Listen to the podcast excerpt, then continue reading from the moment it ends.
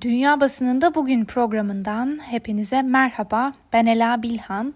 Bugün 10 Eylül Perşembe ve bugün de 15 dakikada dünya basınında öne çıkan haberlere göz atacağız. Bültenimize Amerikan basınında öne çıkan ve toplumun geniş bir kesimini ilgilendiren bir haberle başlayalım ve sonrasında da gazetelere göz atalım. Senato'daki Cumhuriyetçiler hazırladıkları daha dar kapsamlı bir koronavirüsü yardım paketini kongreye sundular. Demokratlar salgının neden olduğu sorunları çözmeye yetmeyeceği gerekçesiyle pakete şimdiden karşı çıkıyor. Tasarının bugün oylamaya sunulacağı belirtiliyor ve bu tasarı 3 Kasım başkanlık ve kongre seçimleri öncesinde 5. korona e, virüsü yardım paketinin kabul edilmesi için yapılan son girişim olma özelliğini de taşıyor. Cumhuriyetçilerin Temmuz ayında hazırladıkları 1 trilyon dolarlık koronavirüsü yardım paketi tasarısının aksine bu paketin içeriğinin de yalnızca 300 milyar dolar olduğu belirtiliyor. Demokratlar 2 milyar dolarlık bir yardımın bile neredeyse yeterli olmayacağını savunurken Temsilciler Meclisi Başkanı Nancy Pelosi ise eğer acil yardımlar hızla eyalet yönetimleri ve belediyelere ulaştırılmazsa daha sonra çıkartılacak bir paketin polis, itfaiye ve sağlık personelinin işten çıkartılmasını önlemeye geç kalacağını savunuyor. Bu haberin ardından gazetelere göz atalım. New York Times'ın gündeminde Kaliforniya eyaletinde çok uzun zamandır kontrol altına alınamayan orman yangınları var. Son yangın 144 bin dönüm araziyi kül etmişken Kaliforniya valisinin aktardığına göre bu yılki orman yangınlarında yaklaşık olarak 2.3 milyon dönüm arazi doğrudan etkilendi.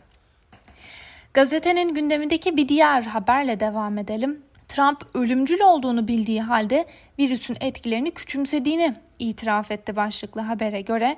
ABD'li gazeteci Bob Woodward yeni kitabında Trump en başından beri Covid-19'un ne kadar ölümcül olduğunu biliyordu ancak halka yansıtmadı ve virüsü olduğundan daha az zararlı bir grip nitelemesi yaptığı iddiasını ortaya atmıştı ve buna karşılık Trump ise paniği azaltmak için belki de bunu yapmış olabiliriz ben bu ülkenin tribün lideriyim diye konuştu. Washington Post gazetesi de bugün ağırlıklı olarak Trump'ın virüs konusunda itiraf niteliğindeki sözlerini e, sözlerine yoğunlaşmış. Ancak gazetenin aktardığı ve bugün Voice of America'nın da ele aldığı dikkat çekici bir diğer haber ise şu. İç Güvenlik Bakanlığı'ndan bir yetkili bakanlığın önde gelenleri tarafından istihbarat raporlarında Başkan Donald Trump'ın karşı çıkabileceği ayrıntılara yer vermemesinin istendiğini öne sürdü.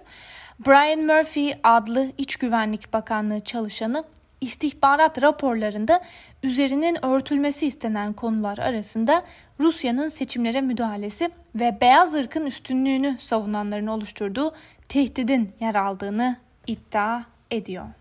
Washington Post gazetesinin yorum köşesinde ise Trump ve yönetimiyle ilgili şu ifadeler kullanılıyor. Adalet Bakanlığı'na göre Trump'ın kişisel çıkarları ulusal çıkarları temsil ediyor. İşte diktatörlük tam da böyle işler. Ancak Adalet Bakanlığı Trump'ın özel avukatlık bürosu olmadığını hatırlamalı. Ve Washington Post gazetesinden aktaracağımız son yorumda şu. Ekonominin bir tur daha mali desteğe ihtiyacı var. Artık kongredeki bu çıkmaz sona erdirilmeli. Zaman daralıyor ve milletvekillerinin hızla bir e, çözüm yolu belirleyerek çözümü uygulamaya koymak için fikir birliğine varmaları gerekiyor. Ve Amerikan basınından aktaracağımız son habere geçelim.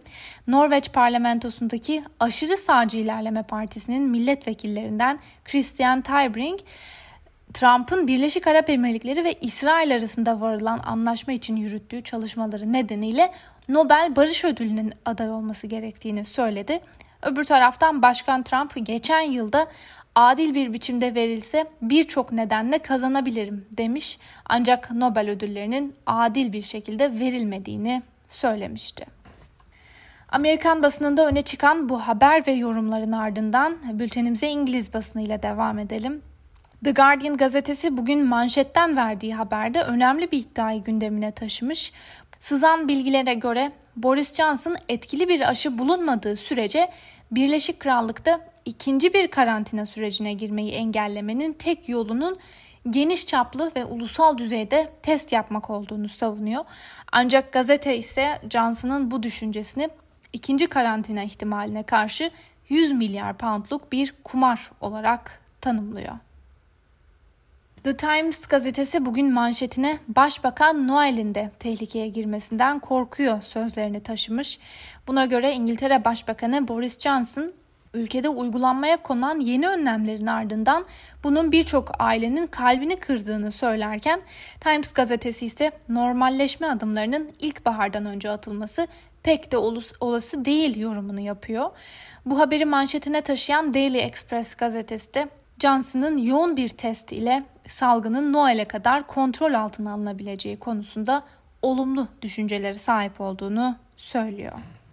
Öbür taraftan The Guardian gazetesinin dün aktardığı bir habere göre de birkaç üst düzey muhafazakar parti milletvekili ve hukuk uzmanı Brexit anlaşmasına uyulmamasının uluslararası hukuku ihlal edebileceğini söylemesinin ardından hükümetin rota değiştirmesini istiyor. Böylece resmi olarak Brexit yasa tasarısıyla yasaları çiğniyoruz denmiş oldu.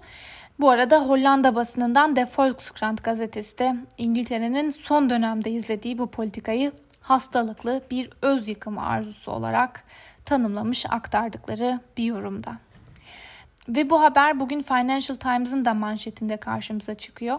Financial Times gazetesi İngiltere'nin Avrupa Birliği ile devam eden ticaret görüşmelerine odaklanmayı tercih etmiş bugün. Johnson'ın Brexit politikasını eleştirenler bir bakanın hükümet planlarının uluslararası hukuku ihlal ettiğini kabul etmesi sonrasında hareketin İngiltere'nin uluslararası duruşuna zarar vereceğini şu sözlerle savunuyor. Verdiğimiz sözleri yerine getirme konusundaki itibarımızı kaybedersek maddiyatın ötesinde bir şey kaybetmiş olacağız ve kaybettiğimiz itibarı yerine koymak da mümkün olmayacak.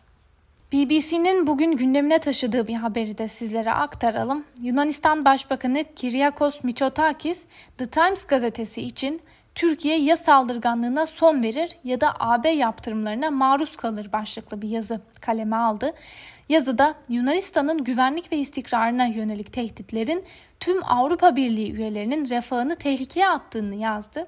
Miçotakis Türkiye'nin bu ay içerisinde yapılacak Avrupa Birliği zirvesine kadar sağduyulu bir tutum benimsemesi halinde anlamlı yaptırımlar uygulanması dışında bir seçenek görmediğini söyledi.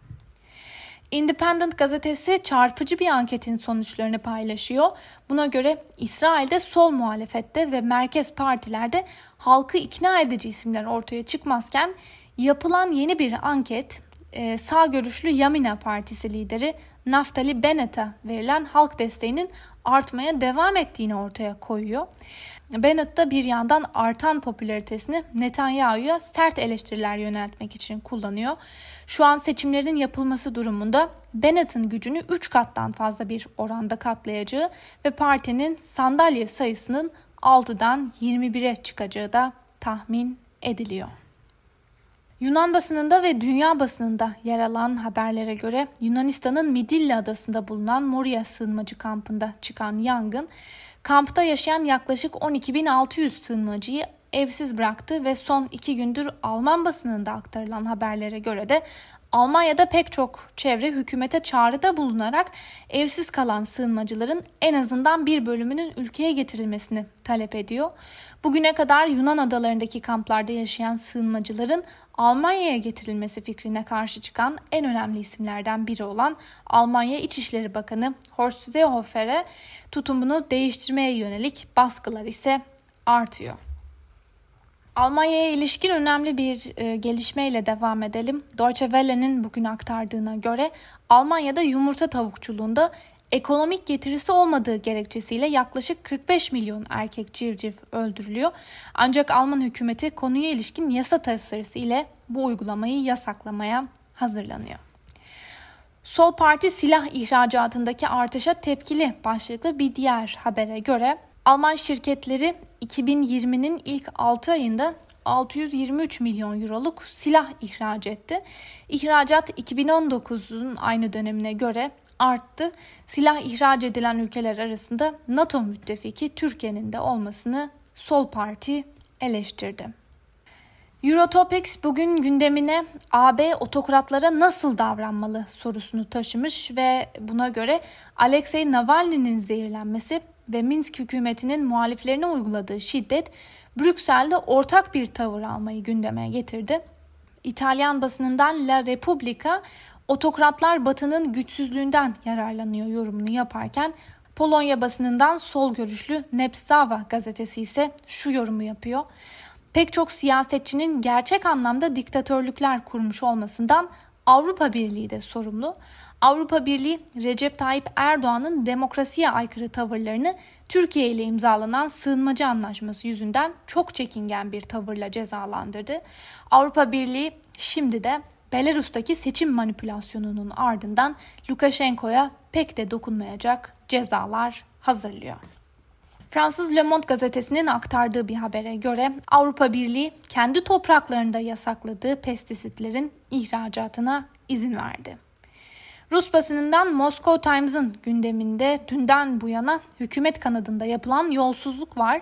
Buna göre Rusya Enerji Bakanı Yardımcısı Anatoly Tikhanov 7.9 milyar dolar değerinde kamu parasını zimmetine geçirdiği suçlamasıyla gözaltına alındı. Komersant'ın aktardığına göre paranın Rusya Enerji Ajansı'ndan Tikhanov'un başkanlığını yaptığı 2013-2015 yılları arasında çalındığına inanılıyor.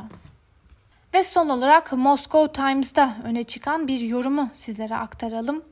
Ee, Moscow Times'ın gündemine taşıdığı meselelerden biri de Rus muhalif Navalny'nin zehirlenmiş olması. Moscow Times'ın yorum köşesinde şu ifadeler kullanılıyor. Navalny'nin zehirlenmesi olayında suçluları tespit etmenin zorluğu daha geniş yaptırımların uygulanma olasılığını da arttırıyor. Bu özellikle de salgının etkileriyle ekonomik çöküşlerden bahsedilen ortamda acı verici bir adım olacak. Ancak muhtemelen Avrupa kendisi için de zor bir karar olacak olan yaptırımları uygulamaya mecbur hissedecek. Sevgili Özgürüz Radyo dinleyicileri, Moscow Times'tan aktardığımız bu yorumla birlikte bugünkü programımızın da sonuna geldik. Yarın yani haftanın son gününde de aynı saatte görüşmek dileğiyle. Hoşçakalın.